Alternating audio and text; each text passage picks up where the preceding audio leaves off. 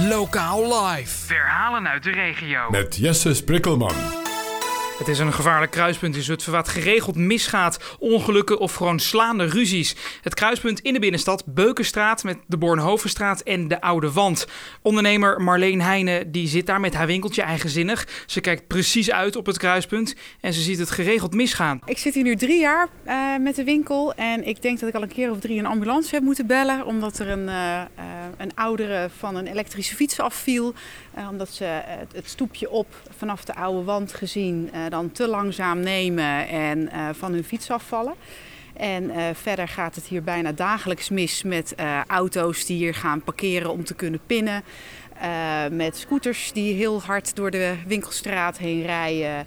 Uh, en voetgangers die niet in de gaten hebben dat ze een doorgaande weg kruisen. En hoe komt dat? Nou ja, je kan aan de bestrating hier niet zien uh, dat het voetgangersgebied hier eindigt en vervolgens een paar meter verder weer opnieuw begint. Dus je ziet aan de bestrating niet dat je een doorgaande weg kruist als voetganger. Dus voetgangers menen onterecht dat zij voorrang hebben. En er zijn automobilisten en scooterrijders en fietsers die voorrang nemen en vinden dat zij voorrang hebben, wat ze uiteraard ook hebben.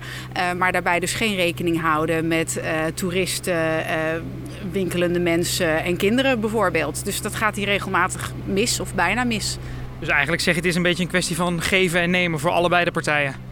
Nou ja, de situatie is natuurlijk heel simpel. Uh, het doorgaande verkeer heeft gewoon voorrang. Dat is de situatie. Alleen je kan het aan de bestrating niet goed zien. En de borden hangen vrij hoog, waardoor ze uh, door voetgangers niet gezien worden. Uh, dus het is eigenlijk gewoon een hele onveilige situatie. En natuurlijk moet je geven en nemen. Maar ik denk vooral dat de gemeente hier aan zet is om ervoor te zorgen dat dit een veilig punt gaat worden. Ja, en wat zouden ze kunnen doen? Want de hele bestrating opentrekken lijkt me ook wel nou, een flinke klus. Uh, weet ik niet of dat, zo, uh, of dat zo is. Volgens mij kun je toch met een aantal uh, strepen, markeringen op de weg of een aantal haaientanden kan je dat duidelijk maken. Of je moet de situatie wijzigen en voetgangers voortaan voorrang gaan geven hier. Ik denk dat dat de meest veilige situatie is.